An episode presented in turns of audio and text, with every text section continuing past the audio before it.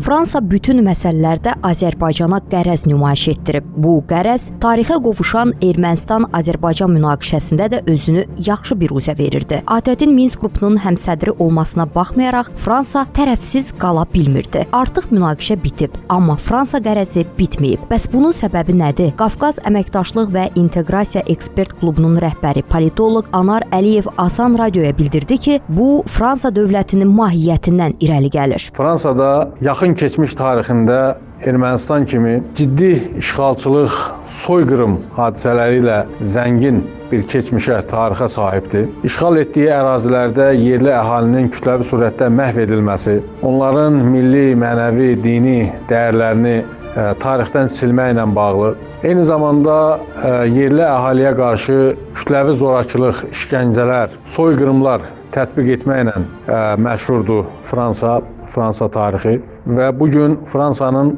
Cənubi Qafqazda işğalçı Ermənistana verdiyi belə açıq dəstək əslində həm də Fransanın tarixindən qaynaqlanır. Böyük Britaniya Fransa ilə rəqibdir. Azərbaycanın isə Böyük Britaniya ilə iqtisadi, siyasi və digər sahələrdə böyük əməkdaşlığı var. Elə bu da Fransanın Azərbaycana qərəzinin səbəblərindəndir. Bildiyimiz kimi dünyanın hansı bölgəsində Böyük Britaniya möhkəmlənirsə, onun yaxınlığında Fransa bir çox vasitələrdən istifadə etməklə özünün nüfuzunu təmin etməyə çalışır. Cənubi Qafqazda da Fransa məhz Plastarim kimi müttəfiq kimi Ermənistanı götürmək məcburiyyətində qalıbdır və məhz həm də Böyük Britaniyaya qarşı apardığı qlobal mübarizədə müttəfiq Azərbaycana əks mövqe kimi Ermənistana dəstək verməyə çalışır.